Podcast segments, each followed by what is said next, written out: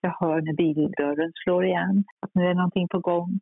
Hora, slampa. Alltså det finns ju många sätt att nedvärdera, såra kvinnan. Du är så dum så du inte ens förstår. Du borde gå till psykolog. Du borde få hjälp.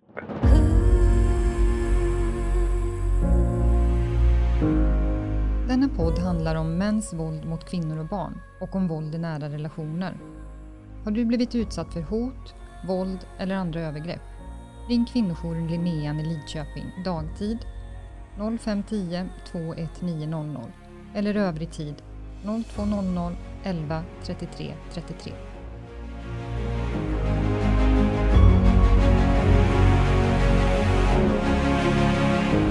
Hej och välkomna till avsnitt 2 Idag så är det jag Petra och Charlotte Block som är med i detta avsnittet. Och jag arbetar ju som verksamhetschef på kvinnojouren Linnean.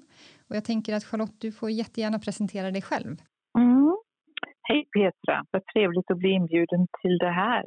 Jätteroligt att du vill vara med. Jo, men jag presenterar mig och jag är eh, socionom i botten och också psykoterapeut och handledare. Och det jag gör då, alltså under de här 30 åren ungefär har jag jobbat med olika, olika arbeten inom socialt område.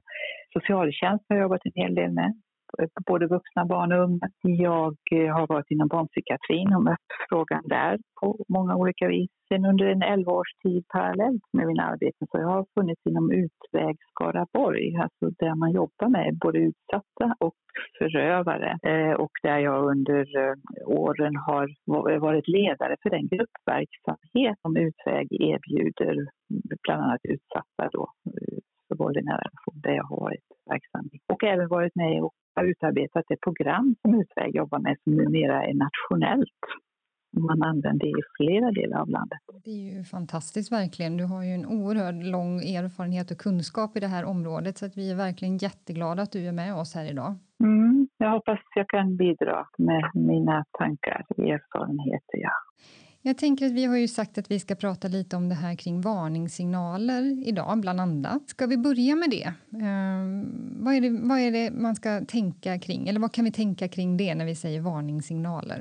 Det, är ju, det här är ju det som är så svårt. För jag, jag, minns, jag fick frågan när jag först började på Utväg, vem kan, vem kan drabbas och jag förstod ganska snart, det kan vi alla. Kanske det är mer frågan om hur länge vi stannar kvar i det. Men eh, vem vill inte möta en karismatisk, snygg man, få all den uppmärksamhet med blommor och bli bjuden på flotta restauranger. Och jag har verkligen dragit vinstlotten. Det här har jag, eh, det här har jag lyckats med. Det är, ju, det är ingen som säger nej till det. Men sen händer det ju saker, sen går det snabbt. Mannen kan komma med frågorna till och med flytta ihop snabbt, gifta sig. Och ännu tidigare så handlar det ju, kan det ju handla om det här, den här uppvaktningen, alltså att komma och bli hämtad ifrån jobbet. Jag kör dig, eh, du behöver inte betala, jag kan ta ditt kort, kreditkort så sköter jag betalningen. Alltså allt sammans är lite för bra för att vara sant, brukar jag tänka. Ehm, men jag, fortfarande blir jag förälskad. Det här är för det här är så fint. Jag har äntligen hittat den stora kärleken. Det vill vi alla. Eh, men sen händer det sakta, sakta saker som, som eh, ah, någonting. Det stämmer inte riktigt. Han vill göra allt tillsammans med mig. Han vill att jag ska sluta göra saker som jag har gjort förut och som jag, han säger att men det är ju vi. Jag vill göra det här med dig. Börja kritisera vänner, ifrågasätta familjen. Alltså mer och mer visa lite grann av den svartsjuka. Ägandet, va? fokusera på äganderätten. Vill ha koll på vad du är, ringer ofta. Det är också någonting som man kanske tänker att vad roligt att någon vill ha så mycket uppmärksamhet på mig så han ringer flera gånger på jobbet. Men det handlar ju om att veta vad, du, vad jag gör för någonting. Va? Och jag tänker att där har ju också alltså tekniken faktiskt, eh, den är ju inte behjälplig i den här situationen för där kan du ju ha på platstjänster och att du syns på kartan. Alltså, mm. Jag tänker också på unga som har Snapchat. Där kan ju en, eh, en förövare ha koll hela tiden vart personen är. Det är väldigt svårt att komma undan den, den kontrollen. Ja, det är verkligen en ytterligare svårighet.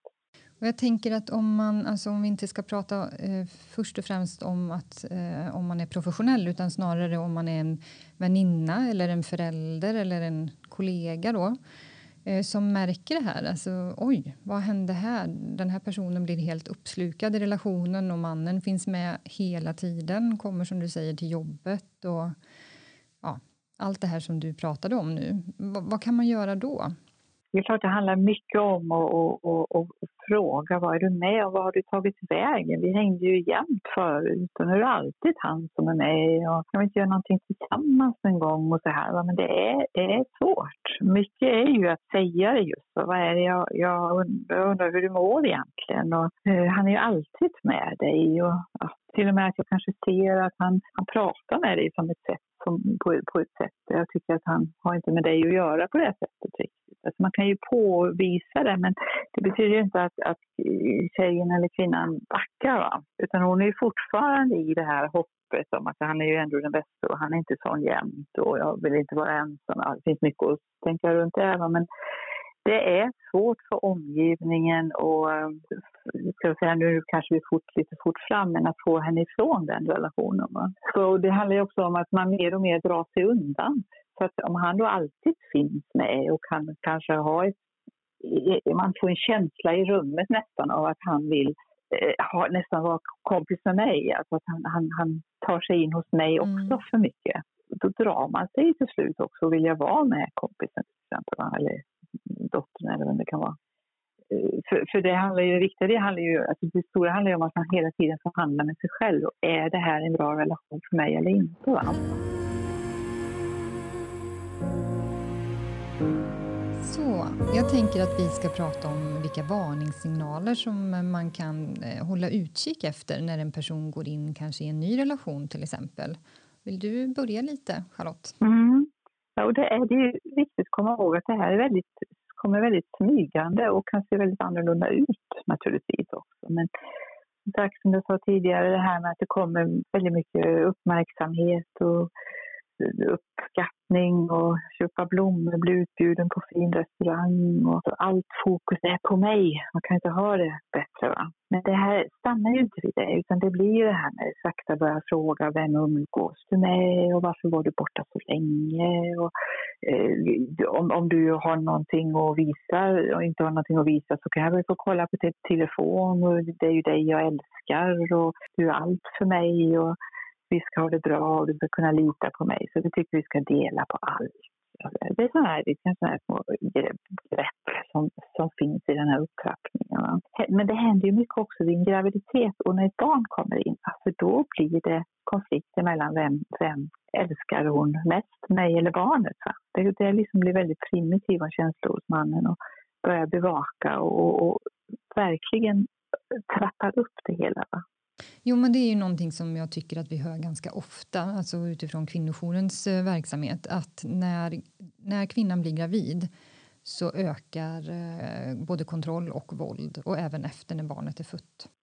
Exakt. Det handlar ju om triaden. Den, alltså, kvinnan självklart har, har ju blivit första blicken till barnet va? och det kan vara svårt ibland för de här männen i våld i en relation. Men också innan dess så kan det ju vara det här med Eh, vi nämnde det, alltså det här med kritiken runt, eh, med, mot vänner och, och släkten och så vidare, men också mot henne.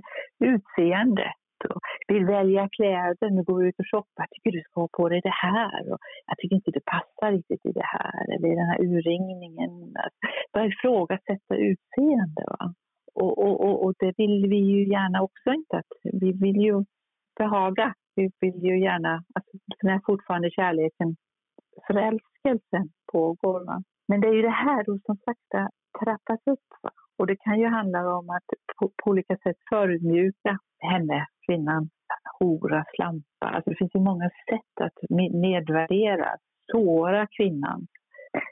Ta ner självkänslan för att hon inte hon ska bli så förminskad som möjligt för att få ett ja makt. Och så småningom kan det ju handla om likaså att du är en dålig mor. Förnedra inför andra är också en vanlig sak. Inför barnen till och med. Förlöjliga henne. Du är så dum så du inte ens förstår. Du borde gå till psykolog. Du borde få hjälp. Det är ingen som vill ha dig. Det är starka saker att, att, att angripa, att raffinerade sätt att angripa. Och det är ju någonting som man kan se, tänker jag, som arbetskamrat eller som vän, alltså att personen helt plötsligt kanske har bytt intresse Alltså dyker inte upp på körsången och kanske säger nej men jag tyckte ändå inte att det var roligt. Liksom. Eller börjar göra andra, helt andra saker och kanske bara tillsammans med den här mannen. Alltså att det blir som ett eh, tomrum i umgängeskretsen. Alltså den här kvinnan försvinner ut i periferin på något sätt. Och det är ju i ett första skede såklart också som vän eller närstående lätt att tänka att det handlar bara om förälskelse och det är klart att hon ska få vara i fred med den här nya mannen. Så det är ju också en väldigt svår situation och, och svårt att göra en bedömning i vad är det som händer egentligen. Är det här bara förälskelse eller är det något annat? Mm. Det är väldigt svårt. Det är svårt när hon mer och mer isoleras mm. ifrån det hon brukar göra. Det, den där är, är det hennes val eller vad är hon egentligen utsatt för? Det är svårt för omgivningen att riktigt kunna sätta finger på det. Till och med kan han ju få, som sagt, han bryter både hobbyintressen fritidsintressen, men till och med få henne att kanske sluta jobba på en plats där det finns så mycket killar det är många vägar som det kan ta. Verkligen, och även det här alltså på arbetsplats markera att han finns, alltså skicka blommor eller till och med kanske dyka upp på jobbet när man inte alls förväntar sig att en, en, ens man skulle dyka upp eller pojkvän utan gör tydliga markeringar att här finns jag liksom. Det är ju ett sånt varningstecken. Mm. Hela tiden komma in och störa. Mm. Sen är det här med att både den psykiska och fysiska eh, våldet är också någonting som han naturligtvis inte står för utan gärna vill förminska. Så att det var ju du som gjorde det. Hade inte du talat med mig på det sättet så hade jag ju inte haft det på det här Så hade inte jag gjort så här mot dig. Jag var full, det var ingen fara med det här. Och du tjatar så mycket. Då var väl du, du får sluta med det. Va? Och det här med att eh, om vi kommer in till på det fysiska, men hon får så lätt blåmärken. Och, hade inte du stått i vägen för mig då hade du inte fått den här knuffen. Alltså det finns så många, många sätt han förminskar det han, han gör. Och det tänker jag samtidigt som de nära och anhöriga kanske inte är lika närvarande längre så blir ju också hans bild den enda bilden som hon får utav sig själv. Alltså, hans ord kring henne blir ju så starka för att hon har ingen annan runt sig längre som finns där som kan se henne och alla hennes goda sidor istället. Då. Så det blir självbilden blir utifrån honom. Hon förlorar ju fotfästet helt. Hon tappar ju bort vem, vem hon egentligen var. Va? Och nu är vi ju lite inne tänker jag på det här svåra som ju som så många gånger tycker jag själv man får frågan varför lämnar inte kvinnan den här relationen i det här läget då? Hade det stått i pannan på honom att jag kommer göra det här och det här med dig så hade jag ju inte gått in i den relationen.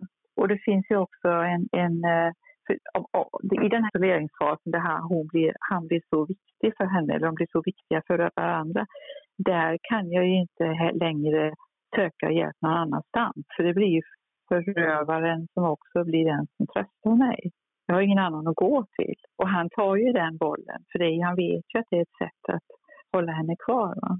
Så hon blir ju helt hänvisad till honom. Så det, det är ju, de ytterligheterna de är väldigt svåra att hantera du blir kvar i det.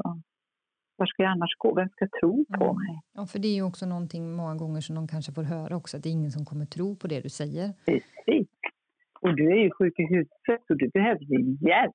Vem tror du att du vem ska lyssna på dig? Va? Så det är det ena, så det blir, det blir någon slags um, utmattning i det kan man säga. Va? Alltså, hela tiden leva i de här tvära kasten av hot och, och, och det vi talar om upptrappning, det är ju det är bara en del av det, för sen hamnar vi ju längre, ännu längre bort i skräck och, och, och, och hot och, och, och, våld och, och hot om död, att ta livet av sig själv. Och, alltså då, det är krafter som gör att du tvingas vara kvar i det. Va?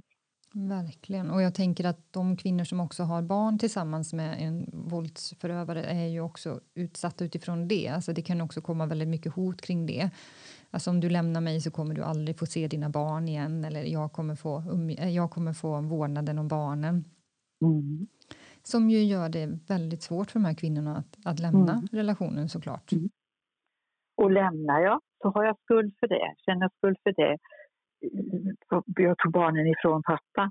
Eller lämnar jag inte så har jag skuld över att ja, men jag kan ju inte utsätta mina barn för det här. Alltså det är hur jag än vänder mig så bär jag så finns ju skulden där. Va? Skammen lika så. Jag blir ju ingen till slut. Jag skäms över mig själv. Jag, jag vill ju inte gå ut. Va? Alltså det är mycket fasthållande fasthållande, faktorer som håller fast den här relationen i, i det som det är och att hålla den kvar. Det finns kanske till och med lite ja, kärlek kvar. Jag vet inte, det kan finnas att han ändå är han har ändå hjälpt mig ur en svår situation när jag var väldigt ensam. Jag, kan inte lämna, jag vill inte lämna honom. Han, han har ju sina goda stunder. Samtidigt finns det ju en rädsla för om jag lämnar, hur, vilket helvete ska jag sätta igång då? Och orkar jag? Klarar jag av? Alltså, jag, är så ut, jag, jag är så drabbad, så orkar jag mig ut? Va? Precis, och sen så tänker jag också att det, sitt egna nätverk som man hade innan relationen kanske är helt borta. Så det är jättesvårt att be om någon om hjälp för man har ingen kvar vid sin sida längre. För att de personerna har den här mannen sett till att, att man har avslutat relationerna till. Som ju också gör det jättesvårt. Mm. Och uträttat, kanske tröttat ut sina vänner. Men vi har ju sagt att du ska lämna, varför gör du inte det? Alltså man ger upp lite grann och förstår inte det här oerhörda krafterna som är, finns att varför det är svårt att gå. Va? Man ska ju kämpa för en relation och för barnen och ekonomin. Det finns mycket sånt. Va? Och medlidandet också. Att tycka synd om honom. Hur ska det här gå nu när jag lämnar? Han har ju sagt att han ska ta livet av sig. Och ekonomin är ju också såklart en stor del, eller kan vara en del Eh, om man inte har möjlighet eller man inte ser sin egen möjlighet till att klara sig själv ekonomiskt. Det finns en viktig sak som håller nästan en ja, flera viktiga, men den här att, att, det, att man stannar kvar i det. Som vi var inne lite grann på det här med att man, vem, man ser på sig själv med den blicken som han har sett på mig. Vi kallar det fint ord internalisering. Alltså man, man, det blir en slags anpassning efter uh, hur uh, mannen vill ha mig. Alltså grund, kvinnans egen plattform, den, den, den raseras, skakas om ordentligt för hon har ju bara honom till slut. Och jag tänker att alltså, när man lyssnar på det här och tänker att man kanske har någon i sin närhet som är i den här situationen. Kan vi skicka med någonting? Alltså vad kan man göra? Att eh, påvisa hela tiden att det här är inte sunt. Jag ser det här. Du har förändrats. Alltså låta någon slags lite utnötning. Till slut kan kanske det bli irritation naturligtvis, så, men, men att ändå någon har sett det här. I efterhand så, så förstod jag vad de menade. Det var tur att du höll ut och, och, och sa det här till mig. Och... Ja, precis. Stå på. Alltså, jag tänker att man kanske får vara ihärdig där. Liksom. Inte sluta fråga hur det är det, hur går det eller det här ser jag. Alltså, det kan man behöva göra väldigt många gånger. Mm väldigt mycket. Det, det tror jag är en viktig sak, vara ihärdig, hålla ut, eh, våga. Våga fråga. Nej, och att man inte vill kanske lägga sig i eller att man är rädd att man har helt fel och hur ska det tas emot? Men jag tänker att man kan ju alltid försöka förklara i efterhand också. Eh, kanske bättre att fråga en gång för mycket än en gång för lite, tänker jag.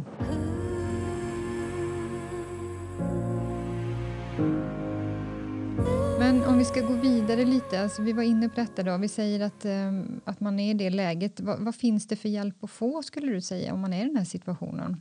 Ja, som du ju säger, vi, ni har ju, vi har ju, socialtjänsten har ett ansvar för att möta upp frågan och, och ställa frågor och ta arbete för det. Så det finns ju, om du har kontakt med socialtjänst redan kanske så är det ju och förtroende för någon, för det handlar ju mycket om att kunna lita på någon vad de gör med det här.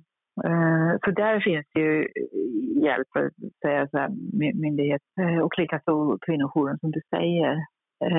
Så, så våga anmäla, våga, våga anmäla, gå och polisanmäla. Ja, ja, precis. Jag tror att jag och Pernilla var inne på det på förra avsnittet men det är värt att säga igen att just att lämna en, en våldsam relation, alltså det kan vara ett av de farligaste tillfällena för den här kvinnan. Så där behöver man faktiskt ha en plan eller att man kanske, vi brukar rekommendera till exempel att man har med sig någon när man berättar det här, att man vill lämna relationen. Eh, att det finns någon med en när man packar sina saker och ska åka därifrån. Man har en plan att nu, nu ska det här ske och jag ska inte vara ensam med det. Och då är det ju så att det kan vara svårt att hitta någon som man kan ha med sig. Men äh, återigen, ring en kvinnojour eller ring socialtjänsten. Och sen kan det ju vara de här som ihärdigt har stått, stått kvar och undrat och, och talat om vad de har sett, att det, att det är droppen, att, att de till slut kan ta sig vidare. Så det är det här första, att komma, komma, komma ur det. Sen vill jag säga också, det är inte, det är inte så, för jag tänker ofta många kvinnor, det är ju svårt att lämna som sagt, men, och man kanske gör det många gånger. Man kanske går tillbaka igen ja, det kan ju vara några gånger. Va? Det kan ju vara att hålla på under år. Va? Och det får man ju komma ihåg också att det är svårt att lämna, så det är inte konstigt om man gör det och att man också då skulle skuldbelägga sig själv för det. Det är inget vanligt trauma utan det är, det är så mycket fasthållande i det som gör att jag kan inte bara, bara bryta. Jag lämnade allt till mannen, jag har ingen, inget eget och då är det bättre att gå tillbaka och det får vi komma ihåg att det här med att vi sliter med att hjälpa människor att komma ur de här relationerna. Det kan ju också kännas som ett misslyckande när de inte gör det. Va? Därför kan det vara bra att tänka att ja, men de behöver en vända till. Då. För det är ju också så att de här männen då um, är ganska bra också på att övertala att komma tillbaka. är ju vår uppfattning då. Att, men det finns också så många enskilda saker som gör att man kanske väljer att gå tillbaka. Mm. Men inte minst det du säger, att lockelsen och jag ska bli bättre och jag har tagit hjälp och jag går till psykolog. Och, och det är det här manipulativa, tänker jag, som, um, som den här personen ofta har starka drag av. Mm. Exakt, det är inte lätt. Om man ska gå över och prata lite om det här med barnen som finns i de här familjerna. Hur, hur, eh, hur ska man tänka där? Ja, alltså där är ju, det frågar ju många mammor själva, hur ska jag hjälpa mina barn i det här? Och det gäller ju verkligen, mamma är ju jätteviktig och där kunna säga att, um, att kunna vara en slags dörröppnare för det här. Ja, jag ser det här är inte bra. Vi har andra runt oss och du kommer vara hos dem. Alltså i den här uppbrottsprocessen va, där mamma måste få sätta på sig syrgasmasken först innan hon kan hjälpa sina barn. Va? Men då kan det vara viktigt att det finns andra i hennes nätverk som kanske kan se till barnen lite grann. Att det finns, finns andra som har ett öga för barnen. Och framförallt att både för mamman och för andra runt omkring, att benämna det de ser. Barnen ser det barnen är med om. För nästan det värsta för barnen. Alltså det är en oerhört, den här tystnaden, tystnaden och hemlighållandet är ofta svårast för barnen. Om barnen får höra att ja, men det, det, nej, men det var, vi bråkar bara lite, det är ingenting, det går över, pappa var på dåligt humör och så vidare. Och det här är jättesvårt för barn att höra för de har ju levt i det här kanske länge och förstår att det här är inte rätt. Mamma har, det här är ju, någon ska inte vara så här elak mot mamma eller om det nu är pappa. Alltså det, det ordlösa är eh, ofta väldigt, väldigt traumatiskt för barn. Så därför behöver både de som finns nära, då, mamma och andra, att våga eh, namnge det som händer. För annars tror barnet till slut att det är de själva som är konstiga eller att det är de, deras fel, att deras legobitar har legat i vägen. Det är jätteviktigt att kunna dela den här verkligheten som de upplever med mamma och att det kan bli en dörröppnare och en väg till att våga prata med andra vuxna. Det är viktigt att kunna sätta ord på vad barn upplever. Så att det inte bara blir minnen som de överväldigas av och skräck och känslor i kroppen. Va? Och där finns det ju bra verksamhet i förlängningen sen att eh, kommunerna har jättebra arbete för, för barn, barnsamtal till exempel. Skolan är också informerad och vi kan också de här frågorna idag. Skolkuratorer. Att som sagt ett bra nätverk eh, som där barnen också eh, märker att mamma tar hjälp. För de blir annars bärare av att också dessutom ta hand om mamma. Det orkar de inte. Men att mamma förmedlar att jag får hjälp. Mm. Och det märker vi väldigt stor skillnad faktiskt på i arbetet på kvinnojourer med barnen. Alltså den dagen där mamma säger att det här går bra att prata om. Alltså du kan prata, för vi har ju barnsamordnare. Det här kan du prata med henne om. Eh, du får berätta vad det är som har hänt. Alltså det, det, och det gör de mer än gärna efter det. Men de behöver ha en liten, en, ja, de behöver ha hjälp av mamma in i de samtalen först många gånger. Det är så viktigt, alltså orden, samtalen, annars så tror man att man blir... Alltså det är ju mycket reaktion, väldigt mycket olika reaktioner i samband med, med, med våldet, eh, om talar om både för barn och, och kvinnor naturligtvis.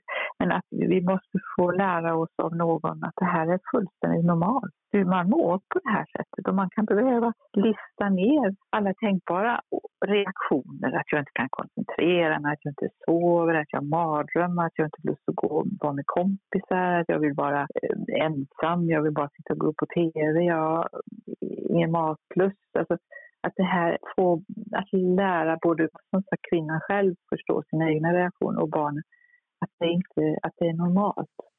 Ja, precis. Jag tänker att det du pratar om här nu är ju också liksom det långsiktiga, eller de långsiktiga konsekvenserna utav att varit utsatt för våld. Skulle du kunna fördjupa det lite? Jo, som sagt, det blir ju en... Eh, alltså, vi, vi talar ibland om PTSD i sammanhang där vi, där vi har blivit påkörda eller vi har blivit varit med om något, något obehagligt, en händelse i ett land eller så. Men det här med relationsvåldet och den formen av trauma så brukar man prata om komplext trauma. Alltså det är så mycket svårare än vanligt PTSD, komplex PTSD. Det är samma reaktioner eh, men eh, de är så mycket eh, djupare och, och, och, och, och tyngre. Så att en del av eh, vad eh, behandlingen är just den här, eh, ska vi kalla det utbildandet. Att, att få höra om effekter jag har. Alltså vad, vad, är det jag har för reaktioner? Få kunskap om vad är våld för någonting. Och att möta människor som vågar som sagt fråga och tala om det man varit med om. Va? Inte rädda, som, som inte vågar, som är rädda för att uh, man ska väcka ännu jobbigare känslor. Utan någon som vågar vara modig och fråga. Så kunskap är en jätte, jätteviktig del. Um, och där finns det ju stödgrupper, ja, vi pratar om Utväg Skaraborg, där finns det ju eh, jättebra grupp, gruppverksamhet som dels har fokus på kunskap att förmedla vad allt som rör våld i nära är för någonting. Dels får man möta andra i samma situation, jag är inte ensam. Och stödgrupp blir på något sätt att, att höra andra blir på något sätt ett motgift till att kunna bryta de här gamla mönstren av att vara beroende av, av mannen eller andra vanor jag har. Va? Jag måste inte stanna kvar i min egen bubbla. Så, va? Det är jätteviktigt med att det är en grupp. Det är mycket mer effektiv behandling än att arbeta individuellt. Jag har gjort båda, så jag märker skillnaden. Sen kan man behöva ha en samtals kontakt individuellt bredvid, för det väcker ju väldigt mycket känslor eh, som, som kanske inte alltid gruppen räcker till. Men gruppen är, jag skulle säga A och O, oerhört betydelsefull. Det man gör också i, i en traumabehandling som då stödgrupperna innehåller också, det är ju att eh, titta på hur ser det ut runt omkring dig, alltså den här stabilitet. Hur bor du? Vad gör du på dina dagar? Hur ser dina rutiner ut? Sömn, motion, mat.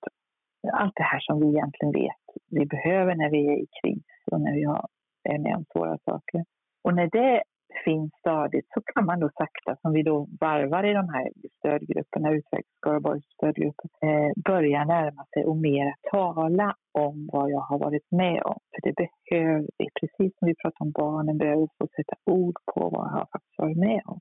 Det är smärtsamt. Men det handlar om att få ur det, ja, ut ur det i tankarna, ut ur kroppen. Alltså att det är inte fast i mig längre på samma sätt.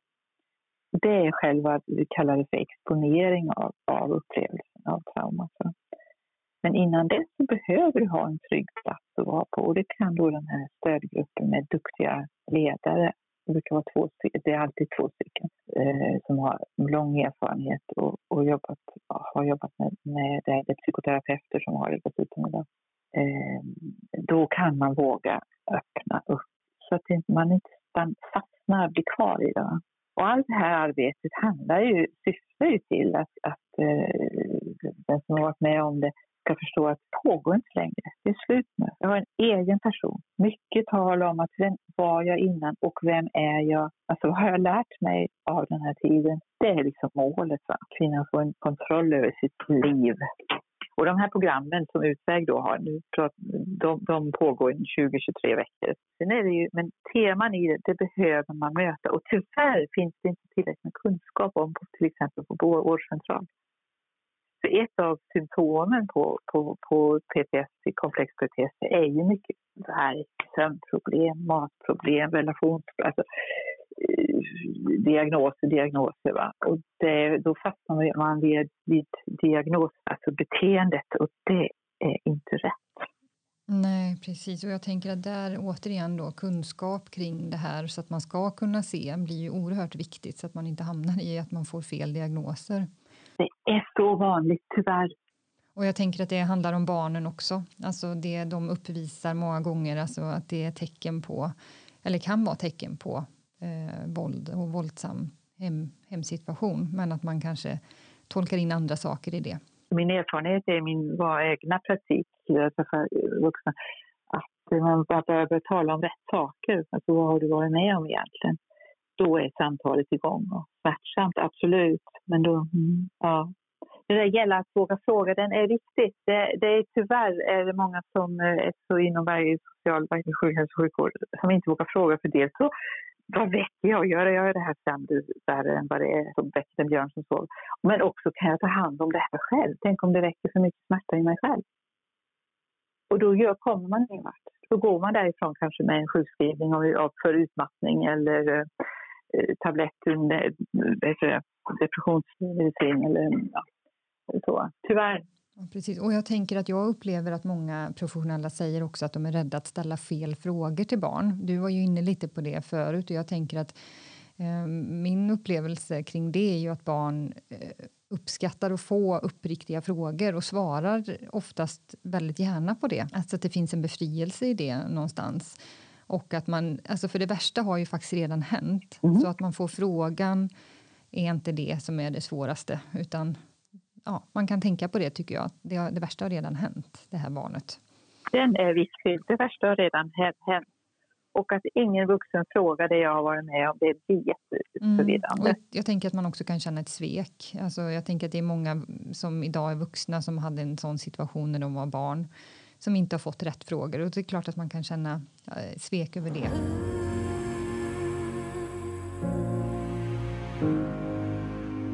Jag tänkte också på det här som du var inne på, för vi jobbar ju på liknande sätt på, på kvinnojouren, det här med att beskriva våldet. Och där tänker jag att kanske tyvärr idag så har vi väldigt mycket fokus på överlag, alltså kring det fysiska våldet.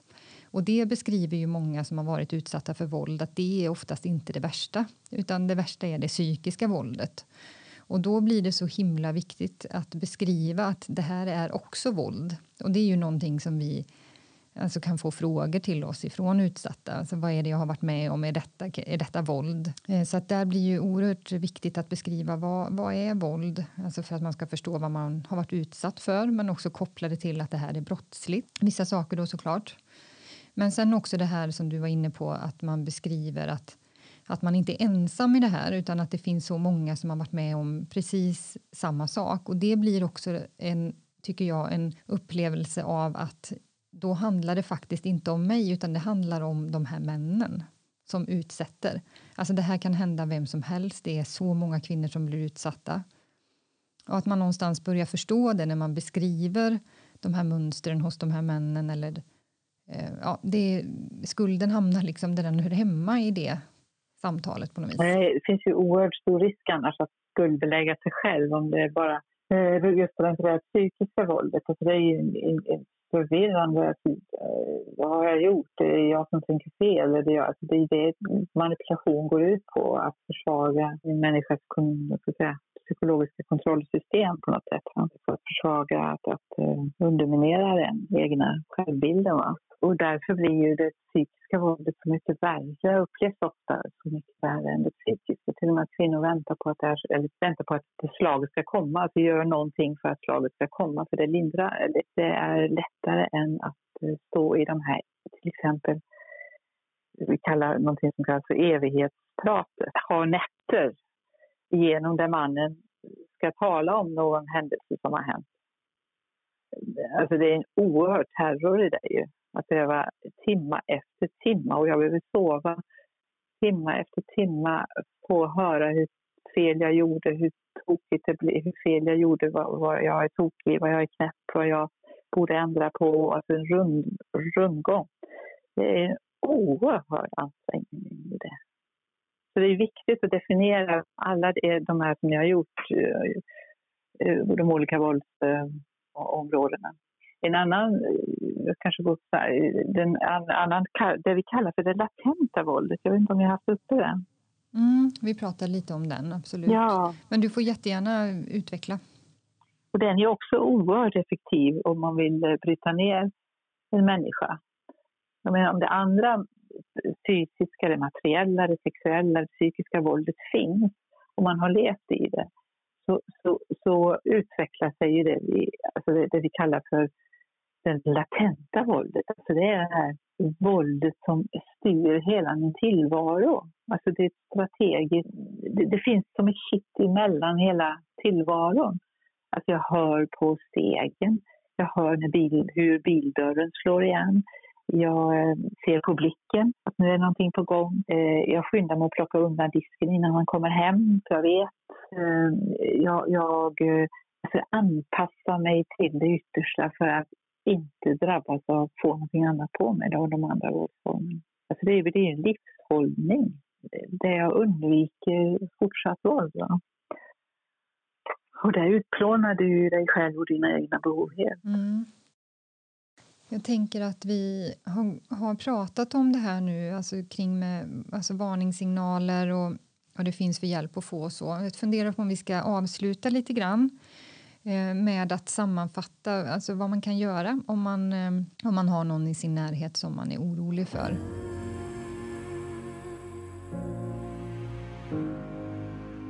Det vi har pratat om är ju mycket kring det här med att våga fråga och att stå kvar och göra det flera, flera gånger och visa att man finns där om det skulle vara så att personen är redo att berätta. Men vi har också varit inne på vad det finns för hjälp som man kan söka eh, hos professionella. Och du har ju varit inne en hel del på, alltså det finns ju både såklart, alltså det är ju socialtjänsten som har det yttersta ansvaret för kvinnor och barn eh, som far illa, eller att skydda. Eh, och sen finns det ju hjälp som man kan få därifrån då såklart. Vad kan man då göra om man själv är utsatt eller misstänker att man är i en utsatt situation? Alltså det är ju viktigt, förutom det vi har talat om, om, om kvinnojouren och andra verksamheter du kan ringa till. Det kan ju vara ett stort steg det första, men att och fundera på om det finns, vem i din närhet finns som du skulle kunna pröva och berätta lite grann om det här om. Kanske inte hela berättelsen, kanske inte är det värsta, men att, utan pröva, är det, är det någon som kan ta emot det här du säger? Är det någon som orkar ta emot det här du säger? Och så spinna vidare därifrån. Och jag är säker på att det finns någon att, som vill fråga dig mera och, och vill stanna kvar med dig i det. Så det, är, det är ett steg att ta. Det är ett mod och modigt steg att ta. Men att göra det behövs. Precis som du uppmuntrar dina barn att prata med fröken eller vem du hittar. Va? Skolmatsalen, tanten i skolmatsalen, vem som helst. Gå till någon där det känns lite varmt och pröva. Det gör du med dig själv också. Jätteviktigt och en, kan vara en jätte, jättebra start tänker jag på, på en förändring och att det inte alltid kommer att vara så som den personen mm. har det just då. Och det kanske inte handlar om att göra det bara i förbifarten utan kanske be den människan, kan du lyssna på mig en stund? Jag har en fundering, jag inte riktigt vet vad jag ska göra av, men kan du lyssna på mig en stund? Att be om det. Det är vi ibland dåliga på. Men då skulle jag vilja tacka dig Charlotte för att du har kommit hit idag och berättat om, delat med dig av din oerhört viktiga kunskap och även önska dig lycka till i allt det fina arbete som du gör dagligen, tänker jag. Det viktiga arbetet. Tack. Och tack ska ni ha. Tack ska du ha, Petra. Roligt att få jobba ihop med er. Tack så mycket.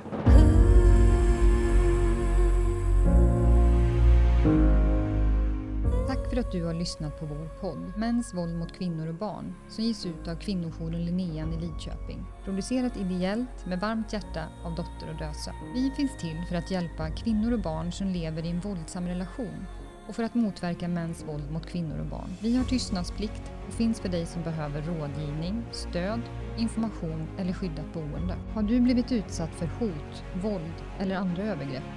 Känner du oro för någon annan i din närhet? Ring oss på dagtid 0510 21900 eller övrig tid 0200 11 33 33.